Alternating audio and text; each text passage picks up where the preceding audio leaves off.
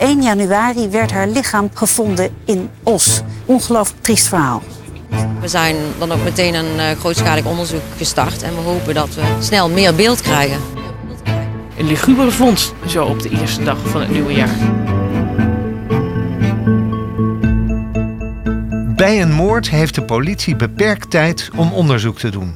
Soms leidt dat tot een dader. Maar als sporen doodlopen, wordt het onderzoek na verloop van tijd gesloten en wordt de moordzaak een cold case. Maar wat nu als een groep creatieve onderzoekers de tijd neemt om alle aanwijzingen nog eens na te lopen? En daarmee misschien tot nieuwe inzichten komt. We geloven dat er ook na het politieonderzoek aanwijzingen te vinden zijn. En daarin staan we niet alleen. Voor het eerst in Nederland gaan politie en het Openbaar Ministerie samenwerken met ons, onderzoekende burgers. Maar wij zijn ook jij, de luisteraar. Wij zijn Bureau Dupin en in de podcastserie De Nieuwjaarsmoord doen we onderzoek naar de onopgehelderde dood van Marja Nijholt in 2013. Ja, ik werd gewoon uh, beschoten, dacht ik, als, als, als verdachte dat ik het gedaan had.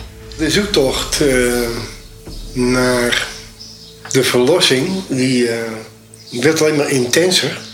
En ze kwam daardoor met andere groepen in aanraking die ik toch wat gevaarlijker vond. Nou, en die waren er heel erg van overtuigd dat zij wisten wie Maya vermoord had. Dat is de doodsoorzaak niet geweest, de messteken. Die waren te oppervlakkig. En daar heb ik ook gezien waar ze gepakt. En, uh, nou, dat zij gewoon doodsbang was dat ze in de hel terecht zou komen. En die angst was zo groot dat ik zeker weet dat dat, dat niet aan de orde is. Zelfmoord? Nee, is geen optie.